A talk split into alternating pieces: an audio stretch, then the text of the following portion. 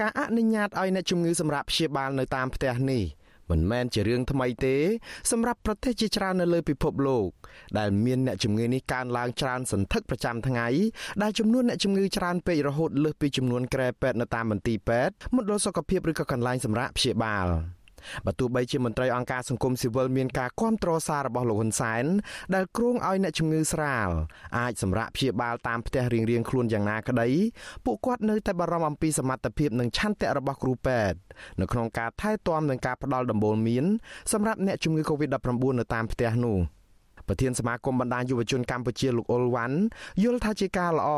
ដែលរដ្ឋាភិបាលបានគិតគូរពីការរៀបចំដើម្បីព្យាបាលអ្នកជំងឺ Covid-19 ស្រាលៗនៅតាមផ្ទះ។ លោកថាការព្យាបាលនៅមន្ទីរពេទ្យឬនៅមណ្ឌលចតាល័យស័កកន្លងមក រងការរអ៊ូរទាំពីប្រជាពលរដ្ឋពីភាពខ្វះការយកចិត្តទុកដាក់ដូច្នេះលោកចង់ឲ្យរដ្ឋាភិបាលនិងក្រសួងសុខាភិបាលរៀបចំយន្តការយ៉ាងណាធានាឲ្យបានពីការយកចិត្តទុកដាក់ខ្ពស់សម្រាប់ការព្យាបាលអ្នកជំងឺនៅតាមផ្ទះនេះ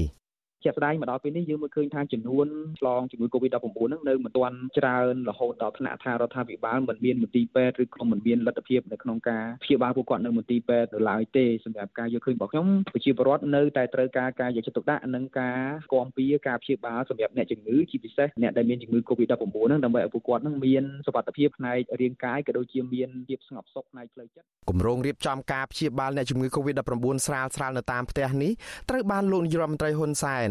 លើកឡើងក្រោយពេលដែលស្ថានភាពអ្នកជំងឺ Covid-19 នៅកម្ពុជា កាន់តែរីកធំជាលំដាប់លោកហ៊ុនសែនបានបញ្ជាតាមសារជាសម្លេងនៅថ្ងៃទី6ខែមេសាឲ្យក្រសួងសុខាភិបាលនិងអ្នកពាក់ព័ន្ធគិតគូរនិងរៀបចំទុកជាមុនអំពីលទ្ធភាពផ្ដល់ការព្យាបាលនៅតាមផ្ទះនេះព្រោះលោកព្យាករទុកជាមុនថាបើស្ថានភាពនេះនៅតែមិនថមថយមន្ទីរពេទ្យនានានឹងពេញហៀទៅដោយអ្នកជំងឺទាំងស្រាលទាំងធ្ងន់ លោកលើកឡើងថានៅក្នុងករណីបែបនេះកម្ពុជានឹងយកវិធីសាស្ត្រតាមបណ្ដាប្រទេសដែលមានអ្នកជំងឺច្រើនដូចជានៅសហរដ្ឋអាមេរិកប្រទេសបារាំងនិងអឺរ៉ុបនិងប្រទេសមួយចំនួនទៀតដែលមានអ្នកជំងឺលើសពីចំនួនមន្ទីរពេទ្យយើងមិនអាចទទួលអស់ទេក្នុងករណីមានការកើនឡើងថែមទៀតអ្នកជាតិចអ្នកចូលច្រើនទោះបីយើងរៀបចំមន្ទីរពេទ្យប្រមាណទៀតក៏វានៅតែមិនគ្រប់ដែរអញ្ចឹងវិធីដោះស្រាយគឺមានតែទុកអ្នកដែលមានវិជ្ជមានកូវីដប៉ុន្តែស្រាលទុកជាបាលនៅតាមផ្ទះ ជាមួយគ្នានេះលោកហ៊ុនសែនបានបញ្ជាឲ្យក្រុមប្រតិបត្តិគ្រូពេទ្យពិនិត្យមើលស្ថានភាពរបស់អ្នកជំងឺឲ្យបានច្បាស់មុននឹងសម្រេចចិត្តថាទុកឲ្យព្យាបាលនៅតាមផ្ទះឬក៏តម្រូវឲ្យព្យាបាលនៅក្នុងមន្ទីរពេទ្យនោះនៅក្នុងករណីដែលស្ថានភាពផ្ទះរបស់អ្នកជំងឺតូចចង្អៀតហើយអាចឆ្លងរីករាលដាលទៅក្រុមគ្រួសារទោះជាអ្នកជំងឺស្រាលក៏ត្រូវតែបញ្ជូនទៅព្យាបាលនៅមន្ទីរពេទ្យដែរឯការព្យាបាលនៅតាមផ្ទះនឹងត្រូវទទួលបានការឧបត្ថម្ភថវិកានិងអាហារដូចនឹងការព្យាបាលនៅមន្ទីរពេទ្យដែរ កន្លងមកបើតាមគោលការណ៍របស់រដ្ឋាភិបាលអ្នកធ្វើចតាល័យស័កនិងសម្រាប់ព្យាបាលជំងឺនេះម្នាក់ម្នាក់ទទួលបានប្រាក់ឧបត្ថម្ភ20000រៀលប្រចាំថ្ងៃថ្លៃសម្រាប់ព្យាបាលគឺជាបន្ទុករបស់រដ្ឋជំវិញការរៀបចំឲ្យមានការព្យាបាលអ្នកជំងឺ Covid-19 នៅតាមផ្ទះនេះអ្នកជំនាញវិទ្យាសាស្ត្រគាំទ្រនិងលើកទឹកចិត្តឲ្យអាជ្ញាធរប្រញាប់ធ្វើបែបនេះដើម្បីជួយបន្ធូរបន្ថយភាពតានតឹងរបស់អ្នកជំងឺ និងកាត់បន្ថយការដឹកជញ្ជូនអ្នកជំងឺឆ្លងកាត់ច្រើនទីតាំង ប្រធានសមាគមគ្រូពេទ្យគុណធម៌កម្ពុជាលោកវិជ្ជបណ្ឌិតអ៊ូចវុធីសង្កេតឃើញថាការព្យាបាលអ្នកជំងឺ Covid-19 នៅទីតាំងមិនសមស្របមួយចំនួនដូចជានៅក្នុងមណ្ឌលចតាល័យស័កឬក៏សាលារៀនបណ្ដាលឲ្យអ្នកជំងឺធុញថប់ព្រួយបារម្ភអំពីជីវភាពរបស់គ្រួសារឬក៏កូនតូចៗនៅក្នុងបន្ទុកនិងបង្កជាបញ្ហាវិបត្តិផ្លូវចិត្តជាដើម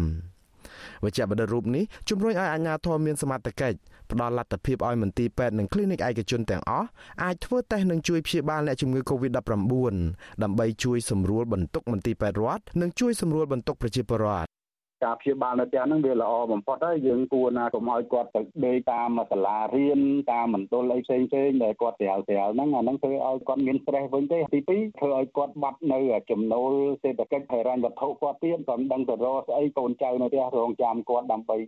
នេះរនោះឲ្យគាត់ហូបដល់ចុងក្រោយគាត់ទៅដេកជុំគ្នាជួនកាលអាចឆ្លងបណ្ដាក់គ្នាពេញហ្នឹងក៏មានដែរ អ្នកជំងឺ Covid-19 នៅទូទាំងពិភពលោកជាង